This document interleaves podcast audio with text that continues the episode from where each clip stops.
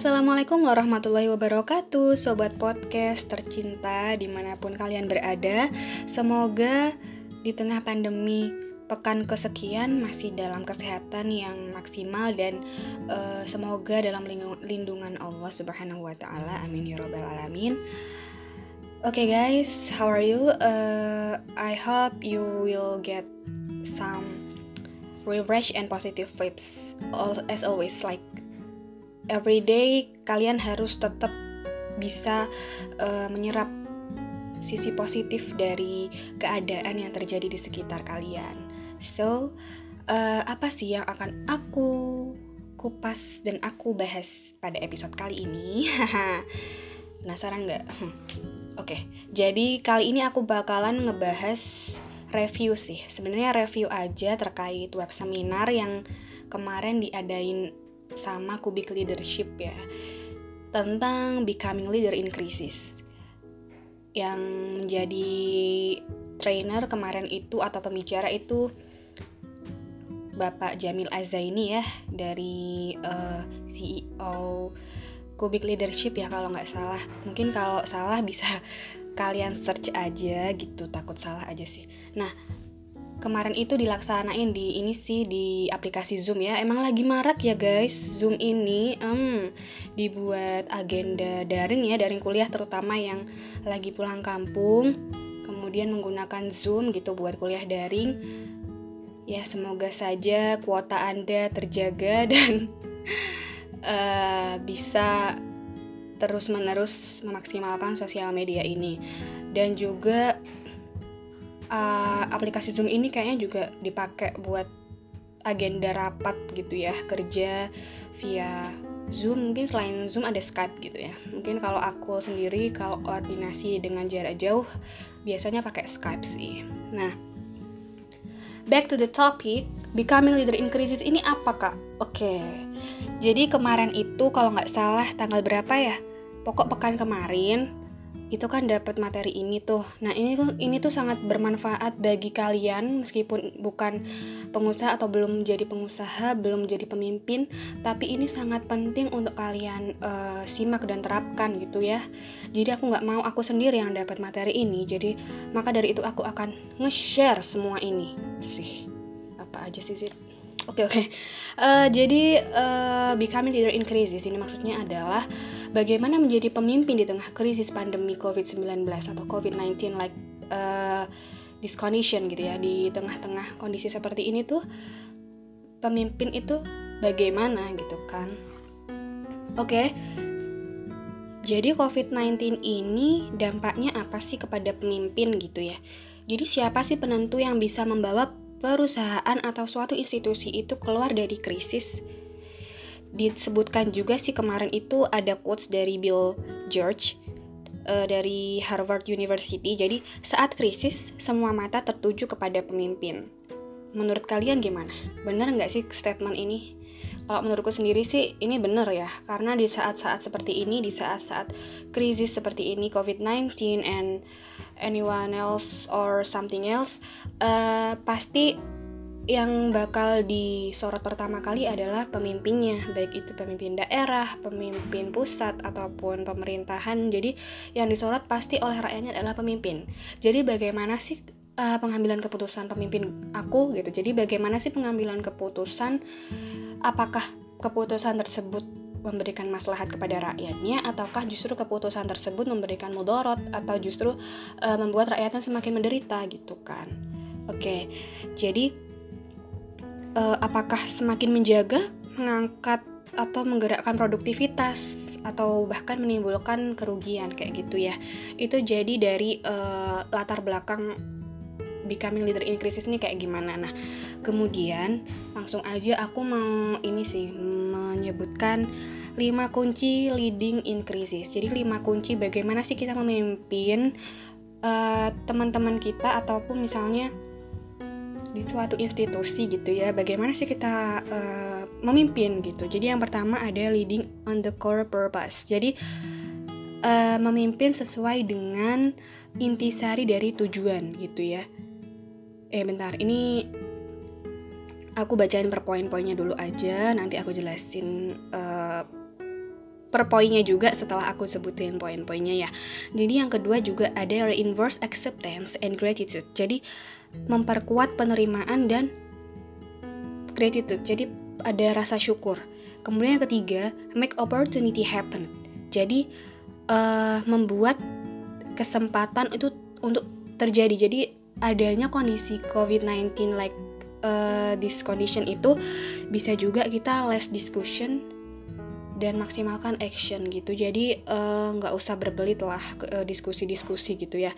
Kemudian yang keempat ada foster resiliency. Jadi meyakinkan anggota bahwa kondisi ini jangan sampai menyurutkan semangat kita gitu. Jadi kita harus sebagai pemimpin atau mungkin misalnya kita sebagai yang dituakan atau misalnya kita yang berpengaruh di situ, kita harus atau seenggaknya kita meyakinkan gitu ya meyakinkan kepada anggota kita kondisi seperti ini harusnya kita itu harus seperti ini jadi nggak yang diem aja terus nggak melakukan apa-apa itu enggak ya. Kemudian yang kelima, create positive and supportive vibes. Jadi tentu ide tentu sekali ya, sangat sangat uh, dianjurkan untuk menciptakan positif uh, suasana positif dan yang supportive vibes atau istilahnya saling mendukung satu sama lain. Nah, jadi yang aku bahas dari five case leading in crisis. Jadi yang pertama ada leading on the core purpose ya. Yang tadi itu jadi maksudnya adalah kita sebagai pemimpin maupun yang dipimpin gitu ya, kita harus punya purpose. Apa itu purpose? Yaitu tujuan.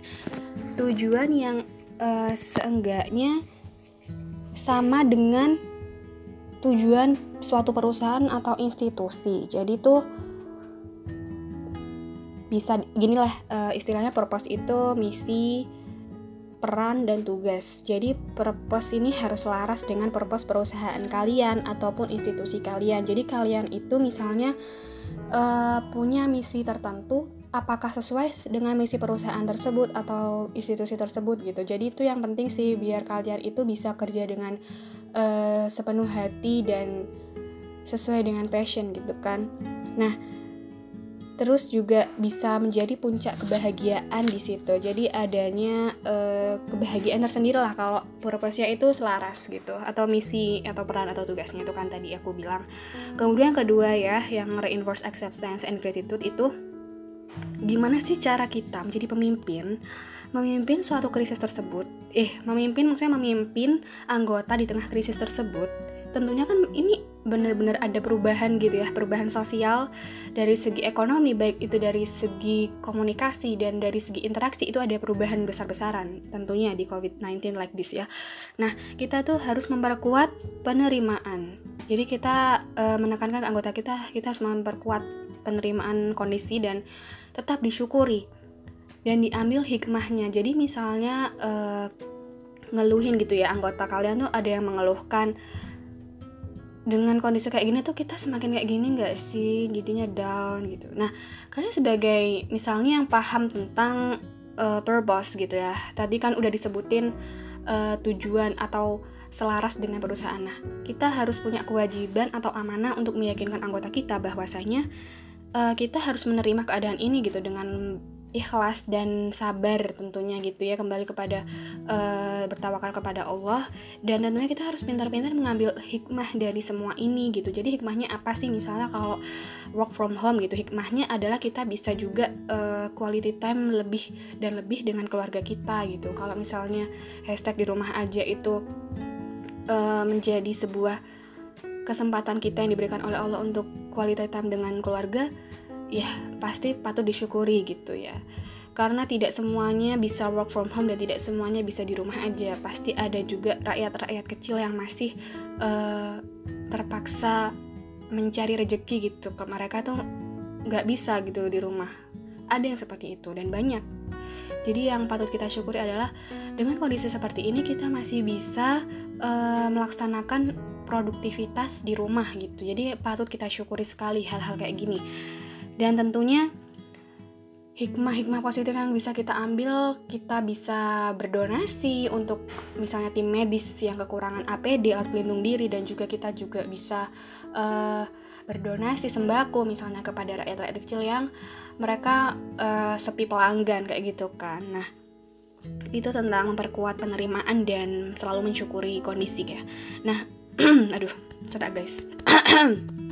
dan yang ketiga, make opportunity happen. Jadi gimana kita bisa less discussion. Jadi kita emang kemarin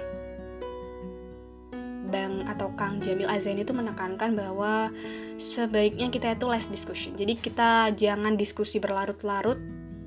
Ya emang sekarang tuh kayak lagi menggencarkan uh, misalnya sprint design gitu ya. Sprint design juga meminimalisir diskusi yang sampai dua jam lebih kayak gitu ya. Sat satu jam cukup sih ya. Jadi nggak sampai berlarut-larut, tapi minim action gitu. Jadi ya udah omong doang gitu kan. nah, gimana caranya kita not diskusi uh, uh, less discussion but execution gitu kan jadi emang yang paling penting adalah kita langsung eksekusi nih action apa sih yang harus kita lakukan gitu yang terdekat yang terprioritas kayak gitu nah gitu jadi membuat uh, suasana krisis seperti ini itu menjadi kesempatan kalian untuk misalnya dalam sebuah anggota itu gimana caranya kita minim diskusi tapi uh, maksimalkan aksi atau eksekusi kayak gitu ya. Mungkin contohnya bisa kayak kalian meminimalisir ini sih ya diskusi rapat-rapat kayak gitu. Kemudian uh, maksimalkan aksi bisa kayak menjadi relawan atau kegiatan positif lainnya gitu ya yang bermanfaat. Nah, yang keempat adalah foster resilience. Jadi meyakinkan anggota bahwa perubahan seperti ini tidak akan menyurutkan semangat kita. Memang ya, kita harus benar-benar menjadi uh, support, uh, bukan ya. Maksudnya kita harus menjadi uh, yang terdepan, garda terdepan dalam meyakinkan teman-teman atau anggota kita, meskipun kita bukan memimpin ataupun lebih-lebihnya kalau ini sebuah apa namanya seorang pemimpin ya emang amanahnya harus meyakinkan anggota kalau kita itu harus bergerak maju ataupun uh, memutar ide bagaimana sih kreativitas uh, yang akan kalian lakukan gitu yang akan kalian terapkan di tengah kondisi kayak gini tuh gimana? Karena kita nggak bisa lagi memakai cara yang sebelum ada krisis kayak gini. Jadi adanya krisis ini bisa membuat kalian tersadar bahwasanya uh, kita perlu adanya inovasi gitu ya kreativitas Nah, yang kelima adalah create positive and supportive vibes. Jadi yang kayak aku tadi bilang bahwasanya suasana positif itu sangat-sangat kita perlukan untuk uh, terutama dalam suatu perusahaan atau dalam suatu institusi atau dalam suatu komunitas gitu kan. Jadi kita gak nge-share hal-hal negatif, berita negatif karena itu bisa berdampak kepada kecemasan yang berlebih ataupun uh, kekhawatiran yang berlebih karena emang dari Pak Jamil Azaini kemarin menyampaikan uh, janganlah kita sering-sering ngebaca berita negatif karena itu bisa berdampak buruk kepada daya tahan tubuh misalnya ya. Emang itu benar sih berdampak kepada daya tahan tubuh. Jadi daya tahan tubuh itu kan ada dua aspek ya dari aspek fisik dan daya tahan tubuh aspek non fisik. Nah, kalau aspek fisik ini tentunya udah pada tahu kan uh, kayak kesehatan badan kita. Ya dengan kita sering membaca ne berita-berita negatif itu tentunya berdampak sekali sih sama kesehatan. Misalnya kalau aku pribadi gitu ya, pengalaman juga sering-sering baca kayak berita uh, negatif juga bisa buat banyak pikiran gitu banyak pikiran dan akhirnya kayak pusing pusing terus down kayak gitu kan. Itu kan nggak baik dengan uh, berita negatif itu.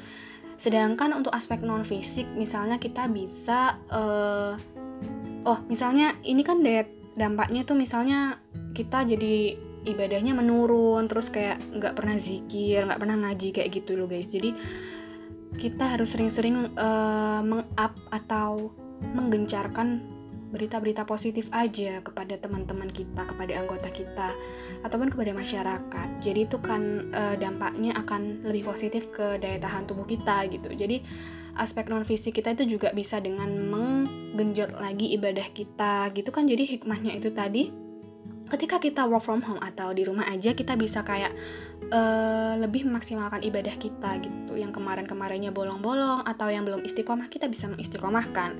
Sekaligus belajar sebelum Ramadan tiba gitu kan. Ramadan tiba. Oke. Jadi uh, gimana caranya aspek non fisik ini bisa terpenuhi gitu. Jadi banyak-banyak tilawah di target tuh. One day one juice like uh, zikir pagi petang kemudian belajar berpuasa sunnah kayak gitu kan. Teman-teman ini buat aku pribadi juga ya jadi gak bermaksud menggurui hanya ingin menyampaikan apa yang perlu disampaikan dan uh, sebagai cambukan aku pribadi tentunya harus juga bisa melaksanakan ini gitu. Nah jadi tadi ya uh, create positive and supportive vibes. Jadi gimana caranya biar orang-orang di sekeliling kita itu merasakan dampak positif gitu ya? Jadi ada supportive vibes juga jadi saling menyemangati satu sama lain gitu nggak boleh saling ngebuat down satu sama lain juga karena itu tidak baik bagi daya tahan tubuh. Nah, itu tadi uh, terkait five leading five case leading in crisis. Nah, sekarang bahagia. Ini kita akan ngebahas kemarin juga disampaikan leading on the core purpose ya.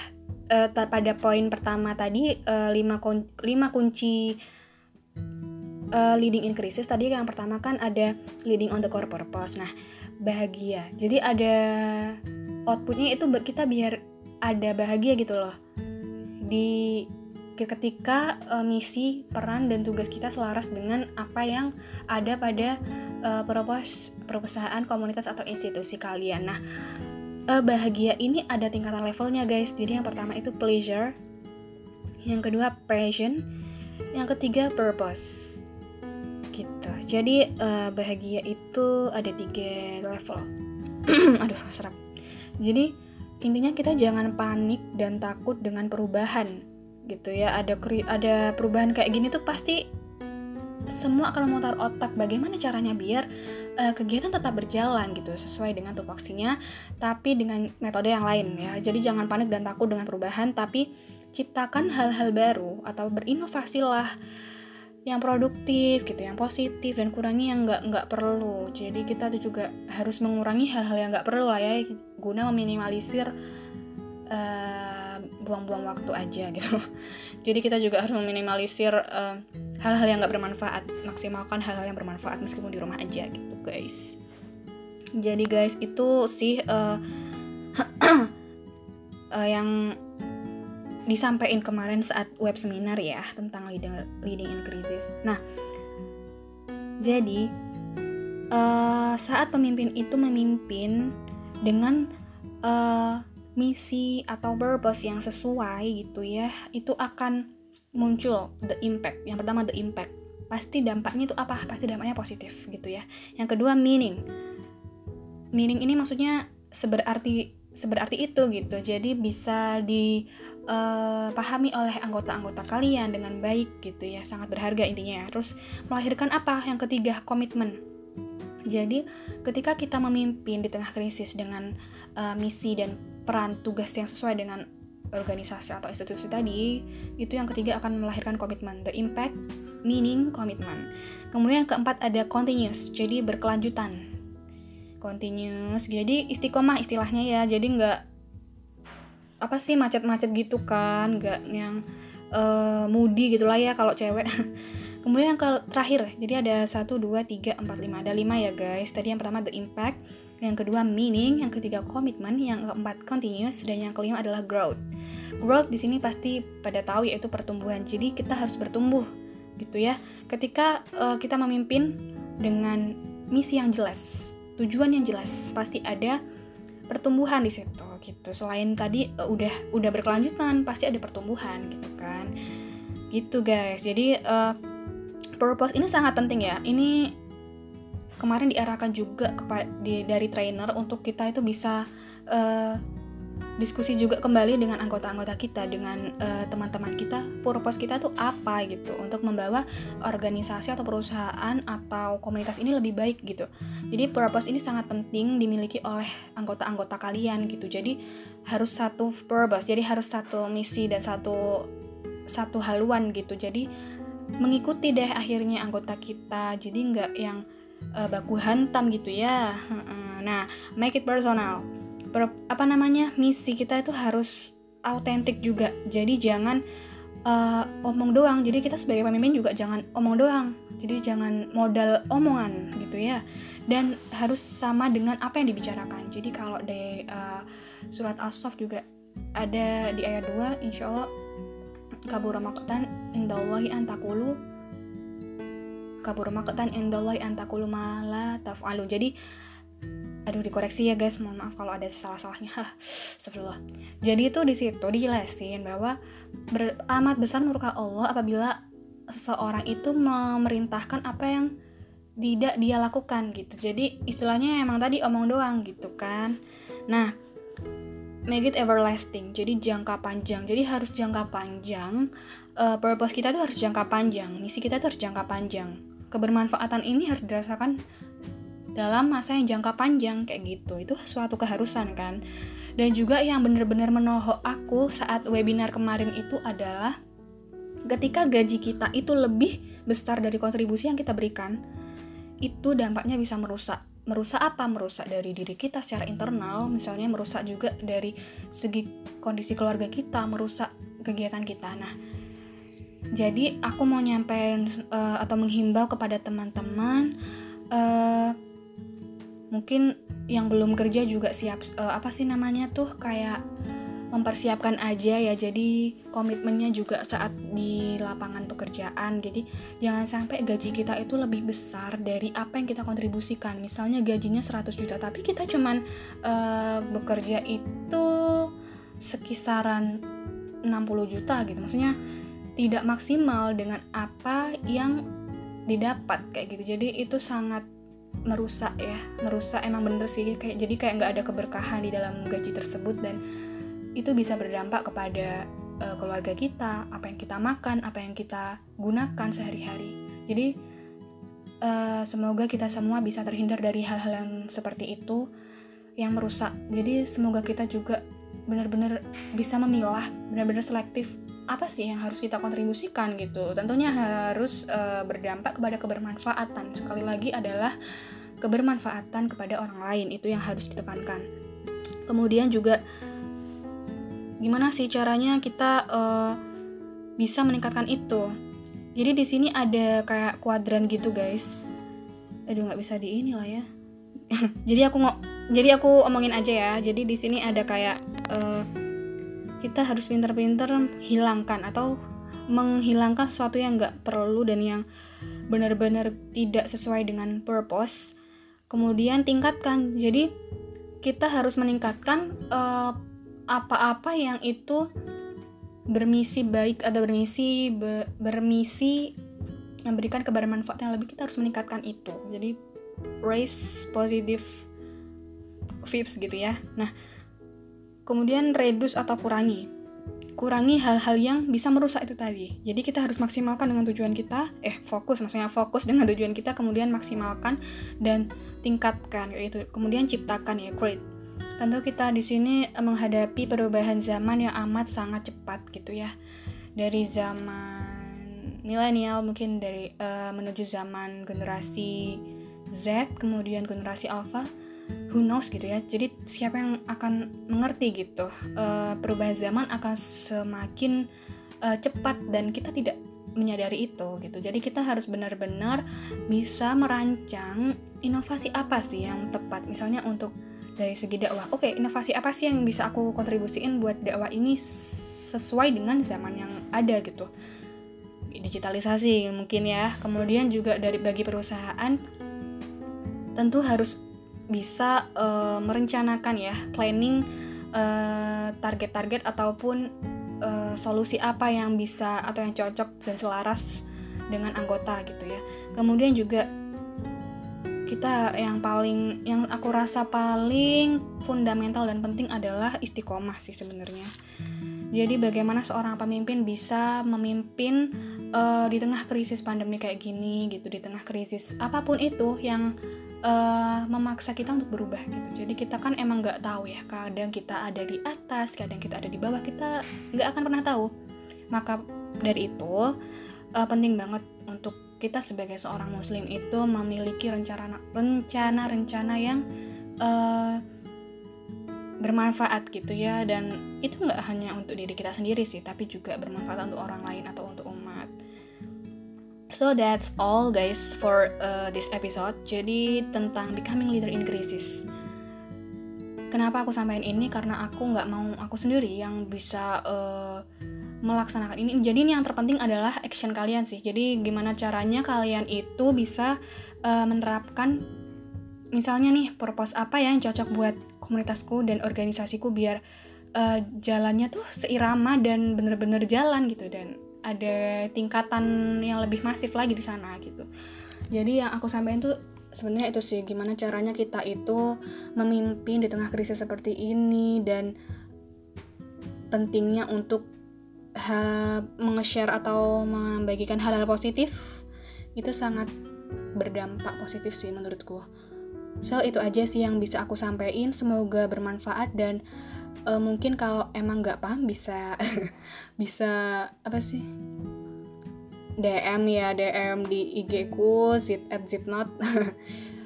Kalau ada pertanyaan kalau emang udah paham ya alhamdulillah aku saranin untuk segera dilaksanain atau dipraktekin aja sih diaktualisasikan di anggota-anggota kalian. Karena kita semua adalah pemimpin untuk diri kita sendiri tentunya dan untuk orang lain. Nah semoga bermanfaat ya nah uh, aku mau pamit undur diri Semoga kita semua berada pada lindungan Allah dan selalu sehat walafiat guys. So stay tuned at podcast Go Up, Go Up and Go Up. So wassalamualaikum warahmatullahi wabarakatuh.